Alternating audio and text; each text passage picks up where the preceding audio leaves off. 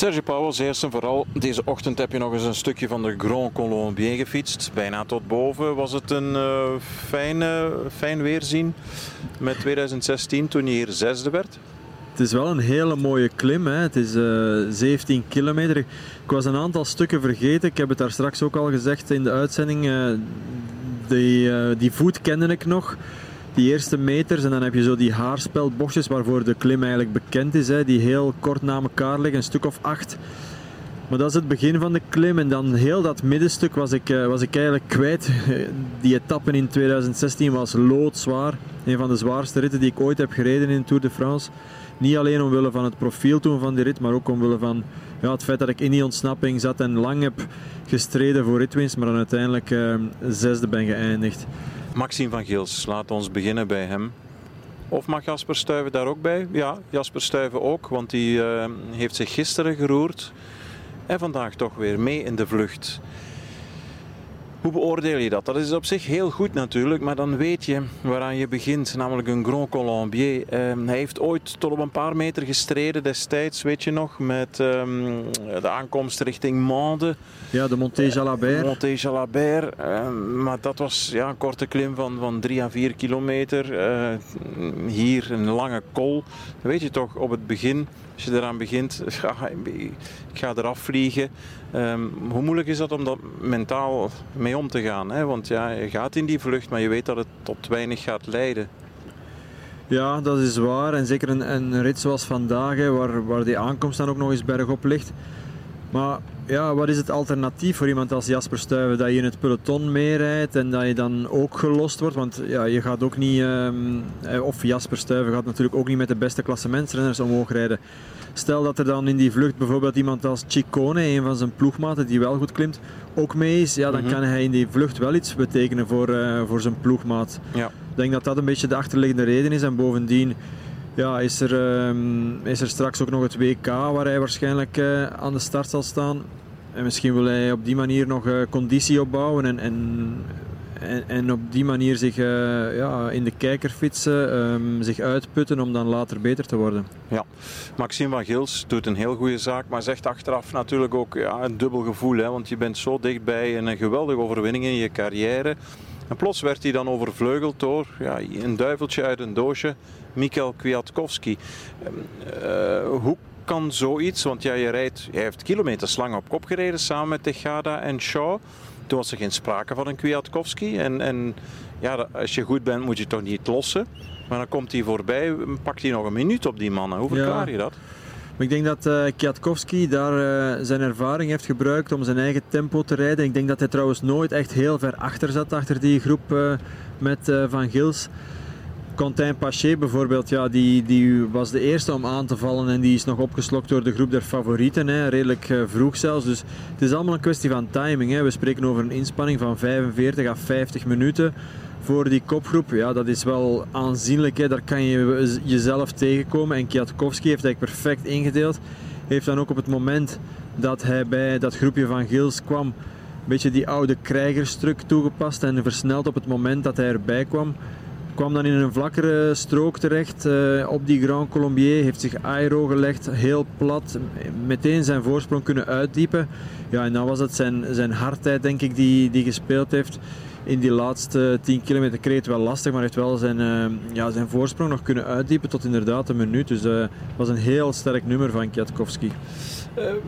Kwiatkowski, je hebt er natuurlijk heel lang mee het peloton gedeeld. Wat voor een kerel is hij eigenlijk als collega-coureur?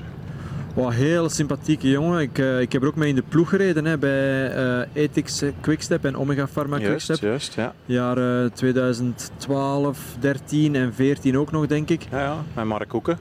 Klopt. Um, ja, Kiato is een, is een hele relaxte kerel. Heel dankbaar ook voor zijn ploegmaten. Heel gewoon gebleven. Hè. Absoluut geen capsones, ondanks ja, waarschijnlijk dat miljoenencontract dat hij al jaren aan een stuk heeft. Um, was een enorm sterk renner in zijn beginjaren. En dat is hij nog altijd, maar was, is eigenlijk meer geëvolueerd naar, naar de rol van superknecht, die af en toe nog zijn momenten kiest. Maar die ook uh, wel ja, echt dagen heeft waar hij gewoon in dienst rijdt. Hè, en dat dat wel heel goed doet. Maar Het is niet zo dat hij elke keer die finale kleurt en elke keer daar is. Het is echt iemand die zijn momenten uitkiest. En eerlijk gezegd, in de Pyreneeën was hij ook al wel goed. Hè. Uh, ik denk op weg naar Coterij, als ik me niet vergis, heeft hij ook uh, lang, uh, lang mee in de spits gereden. Dus ja, hij is duidelijk weer in vorm. En, uh, en vandaag heeft hij gewoon zijn dag perfect uitgekozen.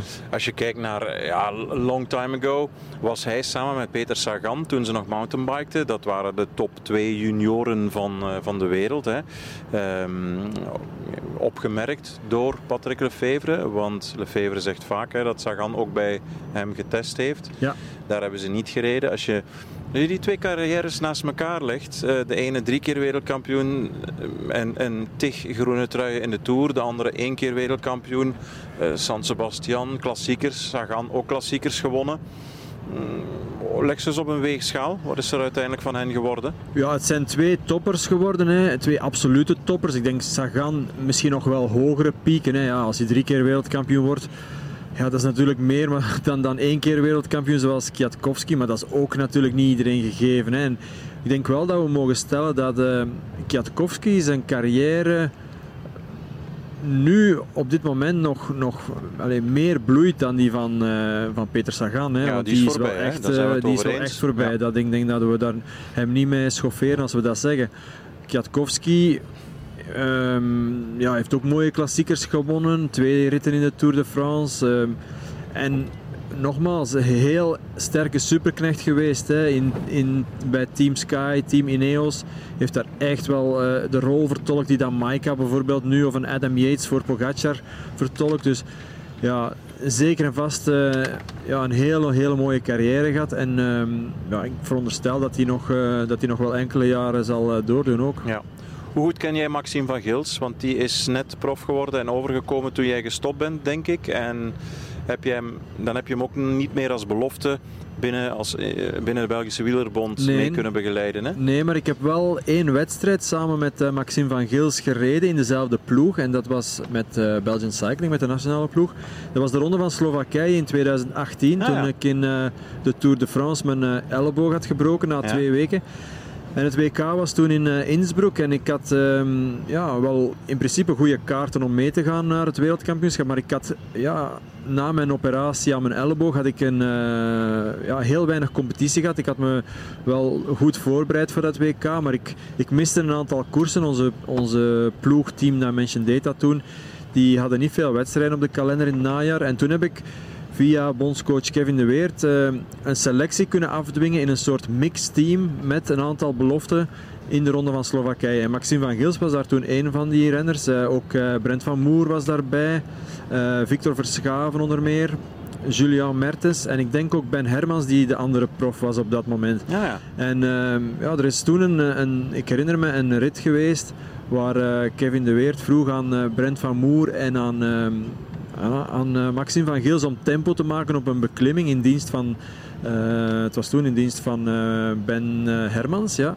En ehm, ja, hoe die twee jongens toen tekeer gingen, ik moest echt in het wiel alle zeilen bijzetten om hun wiel te kunnen volgen. En toen heb ik wel ah, ja. bij mezelf de bedenking gemaakt van ja, wat die jongen hier kan, hij was toen een jaar of 19 schat ik. Amai. Dat was uh, heel, heel sterk. En ja, kijk, het komt er uh, toch wel uit. Hè. Hij heeft dit jaar drie keer um, top 10 gereden in de Ardennen klassiekers en de Amstel Gold Race. Ja, dat is niet niks natuurlijk. En, uh, en vandaag tweede in een rit in de Tour, ja, dan heb je eigenlijk ook wel de mogelijkheid om een, om een Tourrit te winnen, denk ja, ja. ik. Ik heb hem van vrij dichtbij gevolgd in de Ronde van Spanje vorig jaar. Um, heeft hij moeten afstappen door COVID ook. Maar ik herinner me dat Kurt van der Wouwer en dat de ploegleiders toch wel vonden en oordeelden dat hij niet altijd op de afspraak was om mee te glippen in, in de vluchten van de dag. Ietsje alerter moest zijn. Ja. Maar kijk, ja, dat is, uh, dat is zo vergeten als je dat hier kan uh, vandaag in een, in een bergetapper in Tour de France natuurlijk. Hè? Ja, en hij heeft zeker een stap gezet ook dit jaar nog, hè, vind ik. Uh, vooral dan in het voorjaar vond ik met die, met die top 10 noteringen in die klassiekers. Ik denk dat ze binnen Lotto Destiny er misschien iets meer van hadden verwacht in het openingsweekend van de Tour de France in het Bas Ik heb zelfs ergens uh, geruchten gehoord dat ze geloofden en dat ze rotsvast van overtuigd waren bij Lotto Destiny dat Maxime van Geel zelfs de gele trui kon uh, pakken.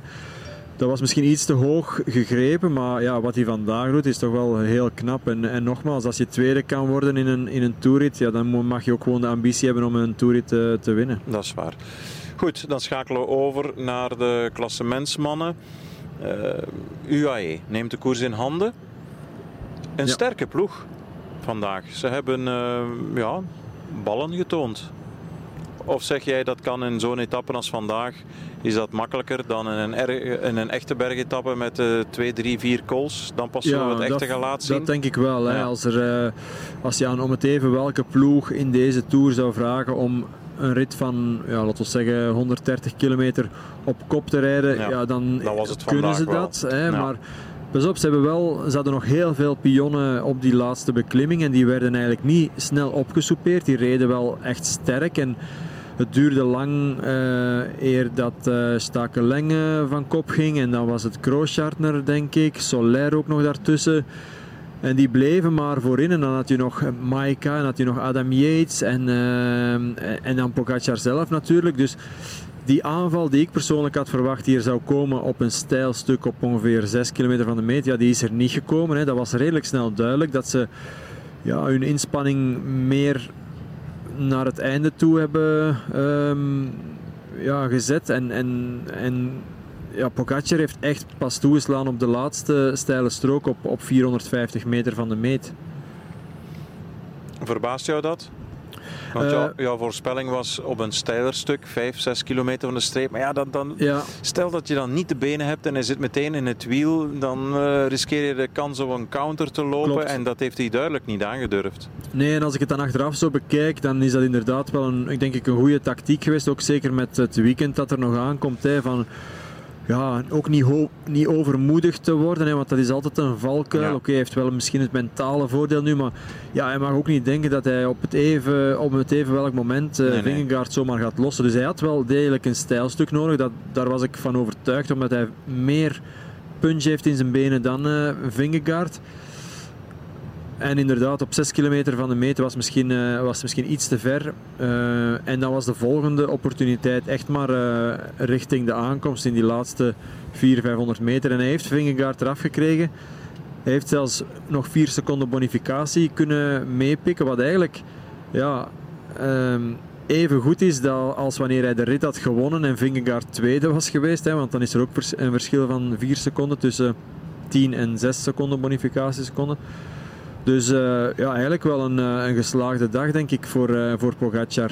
Ja, en als we even uitzoomen, helikopterview. 53 seconden na de eerste Pyrenee-etappe de Marie Blanque.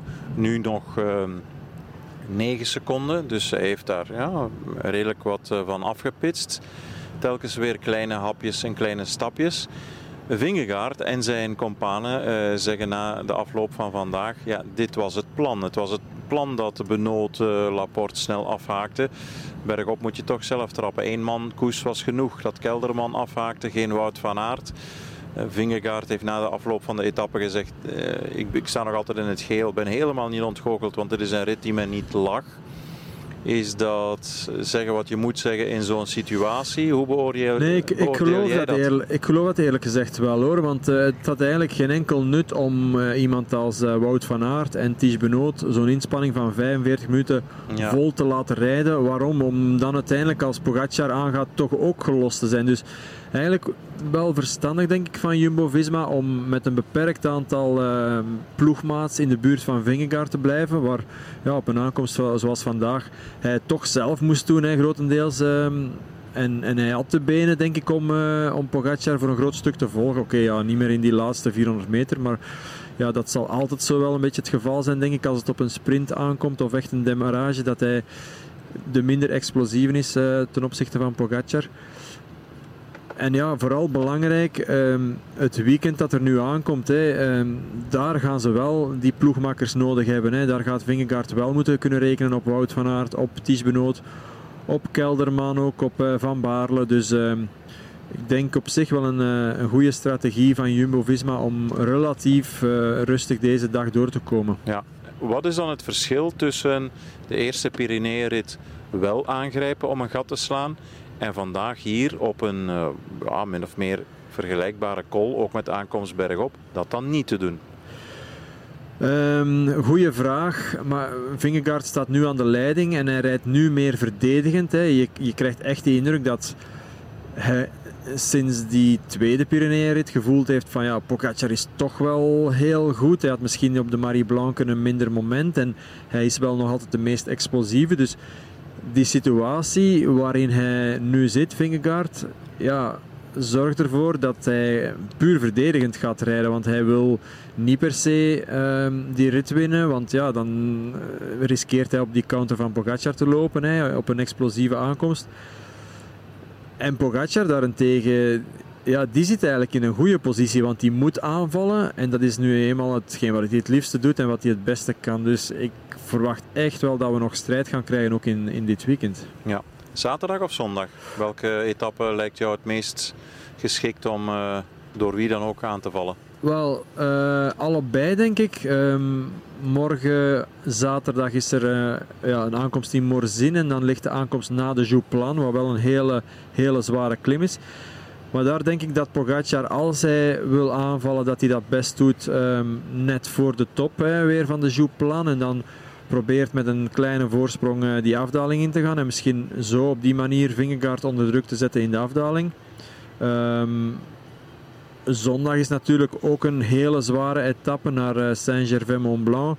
Ja, daar gaan we natuurlijk het is dan de dag voor de rustdag ook weer een uh, spierballengerol zien tussen die twee protagonisten. En dan verwacht ik gewoon dat het weer man tegen man gaat worden op die laatste beklimming. En waar ze dan exact uh, gaan aanvallen, dat is moeilijk te zeggen. Het zal ook een beetje van hun benen en van het moment enzovoort afhangen. Tot slot, jij bent uh, Marijn Zeeman, zeg maar. Jij bent ploegleider, bedenker van het uh, plan. Wat doe je met Vingegaard? Is dat dan proberen de kloof uit te diepen of nog eventjes verdedigend te rijden, de kat uit de boom te kijken? Wat, wat zou je aanraden en bedenken? Ja, ik zou op zijn minst voor morgen weer eh, proberen één ploegmaat en dan misschien wel ideaal gezien uh, Wout van Aert meesturen in, uh, in die ontsnapping. Om ja, ervoor te zorgen dat als er een aanval komt van, um, van Pogacar op de Jouplan en um, ja, Vingegaard niet mee kan.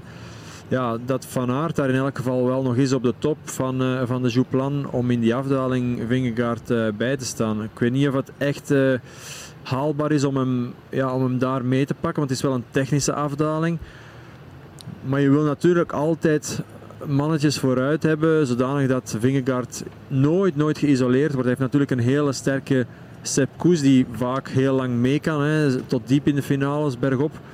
Maar door mannen mee te sturen in de ontsnapping, en je hoeft er uiteraard geen vier mee te sturen, maar één of twee, en een Wout van Aert kan je als, uh, als twee rekenen, ja, daar kan je nooit niks mee misdoen. En um, dan is het voor de rest gewoon een beetje kijken van ja, als Vingegaard zich goed voelt, mag hij denk ik ook wel durven, durven aanvallen. Maar ik denk niet dat dat hun basisplan gaat zijn om, uh, om proberen, um, om proberen Pogacar uh, te, te lossen. Dat denk ik niet. Nee.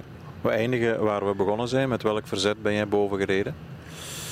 Oh, uh, afwisselend. Ik heb uh, vooraan wel maar een 36 steken, wat ideaal is. En achteraan heb ik een, uh, een 30. Maar ik denk niet dat ik op mijn kleinste versnelling echt heb moeten rijden. Dus dat viel nogal mee. Ehm, ja, het is een heel afwisselende klim, de, de Grand Colombier. Dus er zijn ook stroken die, die echt wel vlakker zijn. En, en het, de stijlste stukken zijn 12 tot 14 procent. Maar ook niet echt veel steiler dan dat. Dus dat, dat ging nog wel. Uh. Nou ja, en welke wattages haal jij nog? Uh, ik had nu gemiddeld over heel de klim ergens iets van een, een 280 of zo. Wat eigenlijk gewoon duur vermogen is. Als je in de groep Petto bijvoorbeeld in een grote ronde rijdt, dan kom je ongeveer ook uh, daarop uit. Maar dat is eigenlijk al wel best uh, stevig hoor. Want ja. als, ik een, als ik vroeger lange trainingen deed en, en lange beklimmingen bergop reed, dan uh, zat ik ook maar zo rond de 300 watt. Dus, uh, ja, ja. Maar ik, ik zou nu ook niet veel meer kunnen. Ik zou, laten we zeggen, maximum op, op zo'n beklimming goh, gemiddeld 320 of zo kunnen halen, denk ik. Ja, toch nog netjes. Ja. ja. Wij richting Tonon-les-Bains aan het, uh, de zuidkant van het meer van Genève maken ons morgen klaar voor de eerste echte Alpen-etappe richting Morzine. Daar waar Izagirre won hè, in 2016. Hè. zeer eh, regenachtige omstandigheden. Ja, klopt. Een van de mij. laatste ritten. Echt ehm, zware, ja. ja. felle regen. Alright. Klaar voor de Alpen? Ja, het zal moeten hè. Ja, absoluut. Kijk er echt, echt naar uit. Voilà, dankjewel Serge Pauwels. Tot morgen. Tot morgen.